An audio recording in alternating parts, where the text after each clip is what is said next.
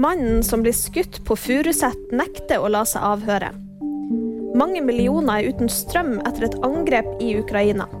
Og seks personer er drept i en Walmart-butikk i USA. Mannen i 20-årene som ble skutt ved Furuset kirke i Oslo, vil ikke la seg avhøre av politiet. Politiet håpte på et avhør av den 20 år gamle mannen, men foreløpig har han ikke ønska dette. Det melder TV 2.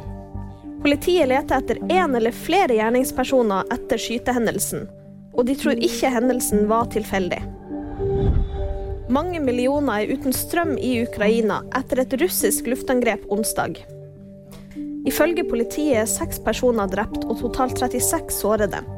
Etter at russiske luftangrep gikk målretta mot kritisk infrastruktur i Kyiv. I sosiale medier skriver bymyndighetene at folk må holde seg sikre til luftvernsirenene stopper. Sikkerhetsrådet møtes onsdag kveld for et krisemøte. Seks mennesker ble skutt og drept i en Walmart-butikk i USA på tirsdag. Hendelsen fant sted i Chesapeake i delstaten Virginia et par dager før thanksgiving.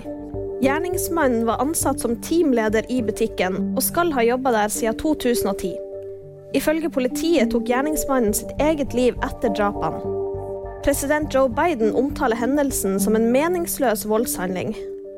Og VG-nyheter fikk du av meg, Liv Auskar.